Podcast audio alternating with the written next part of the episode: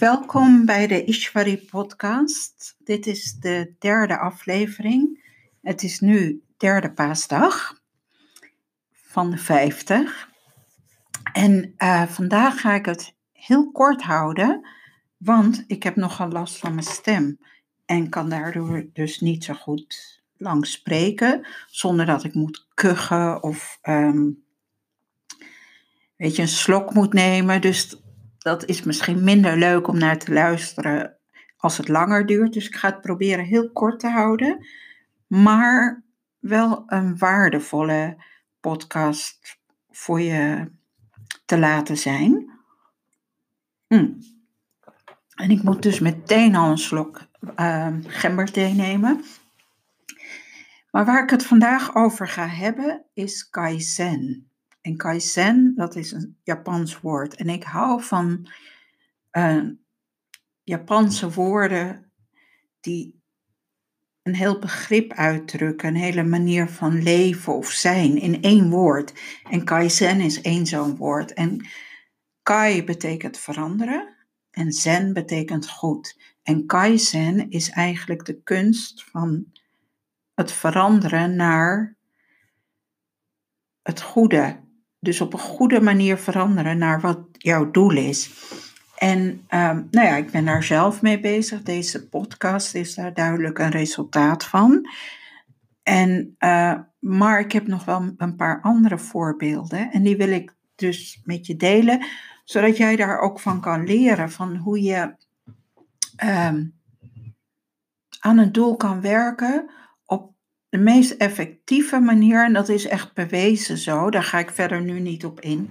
Om te vertellen hoe dat is aangetoond. Maar meerdere studies hebben aangetoond dat deze methode gewoon heel goed werkt. Hij is ook heel eenvoudig. En um, in mijn eigen leven heb ik, sorry, weer een slok. Ik moet gewoon elke minuut een slok nemen om niet helemaal uitgedroogde keel te hebben. Um, wat was ik ook alweer aan het vertellen? Oh ja, hoe dat in mijn eigen leven, hoe, een, een voorbeeld van hoe Kaizen gewerkt heeft. Ik kreeg in, ik weet niet meer precies wanneer het was, 2002, 2003, kreeg ik heel duidelijk een boodschap van je moet je verhaal schrijven. En toen had ik een je ontwakingsverhaal schrijven. Toen had ik dat geschreven. En uh, ik dacht, nou, dat was het. Ik heb er verder niet veel meer gedaan. Maar ik had het toen wel geschreven. En uh, toen, in 2015, werd gewoon heel duidelijk dat ik een boek moest schrijven.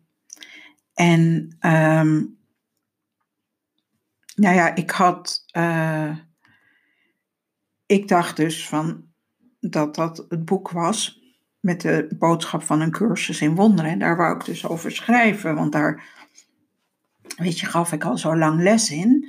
En um, daar ben ik toen in 2016 mee begonnen. Toen heb ik me teruggetrokken, een maand in Spanje, en toen ging ik schrijven. En al kreeg ik heel veel inspiratie, toch kwam het er niet helemaal van. En het lukte gewoon niet zo met dat boek. En, uh, en nadat ik een aantal dagen had geschreven, werd echt gewoon duidelijk van dit is niet het boek dat je moet schrijven. Je moet je eigen verhaal schrijven. En ik had dus al heel veel voorbereiding gedaan voor dit boek. En opeens werd duidelijk van dit is niet het boek wat je moet schrijven. En toen moest ik dus mijn eigen verhaal schrijven. Nou, dat vond ik uh, lastig. En uh, dus het heeft weer anderhalf jaar geduurd. Dus het was inmiddels eind 2017. En toen werd ik eigenlijk gecoacht door mijn oudste zoon. Want dat lukte dus niet om dat te schrijven. En hij um, zei tegen mij van, um, want ik nam het me steeds voor, zoals ik me wel vaker dingen voorneem en dat het gewoon niet lukt. Ik neem weer een slok trouwens. Hm. Nu heb ik het iets langer volgehouden.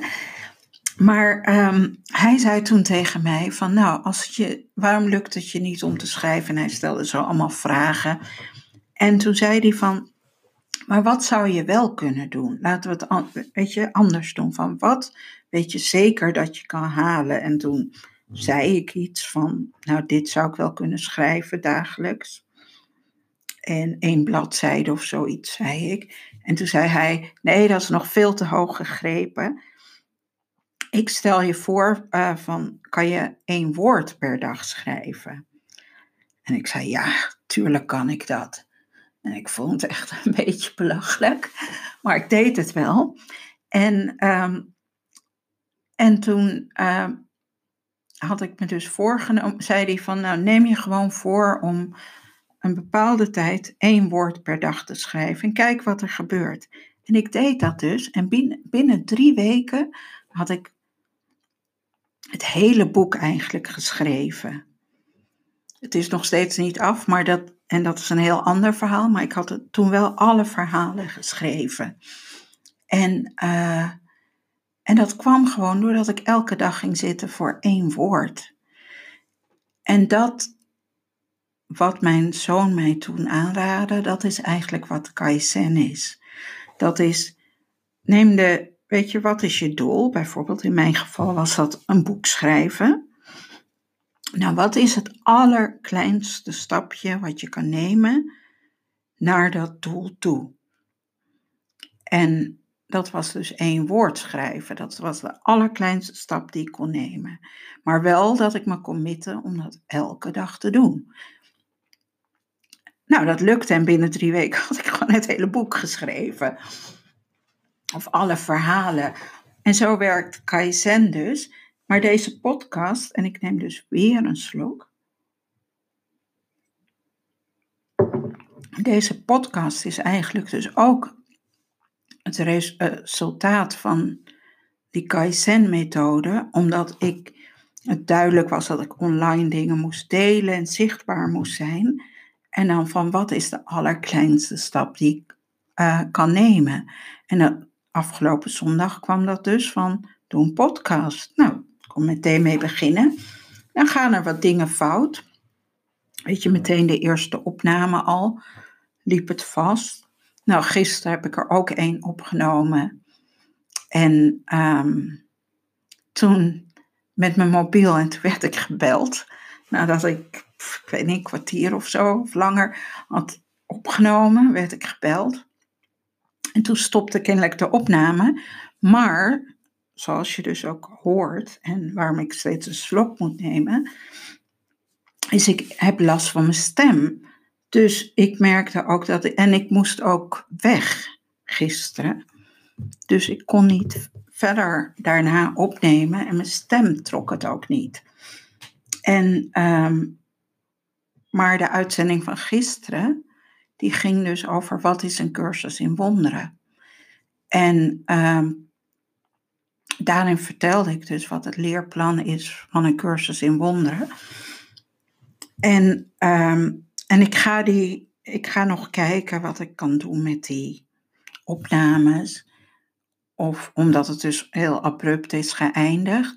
Om te kijken of ik het nog iets aan kan plakken. Of dat ik het over moet doen of zo. Weet je, en dit is gewoon uh, ja, soort trial and error. Ik begin gewoon ik doe iets, dit is de kleinste stap wat ik kan doen, een soort één woord idee.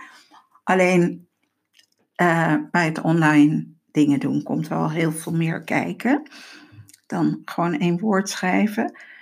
En, um, maar wat ik je dus wil vragen is, weet je, wat is het want ik had het gisteren over dus een cursus in wonderen. Dat dat begint met de zin, dit is een verplichte cursus. Dit is een cursus in wonderen, het is een verplichte cursus. En uh, omdat het een cursus is in worden wie je werkelijk bent. En nou wil ik jou vragen van, met dat in ogen, weet je, ontwaken. Zo, zo, wat is de eerste kleine stap die jij kan nemen voor je eigen volmaakte geluk? En dat, ik, ik geef je dit alleen maar als soort food for thought, dat je er even over na kan denken. Wat zou dat kunnen zijn? Want dat alleen al activeert iets.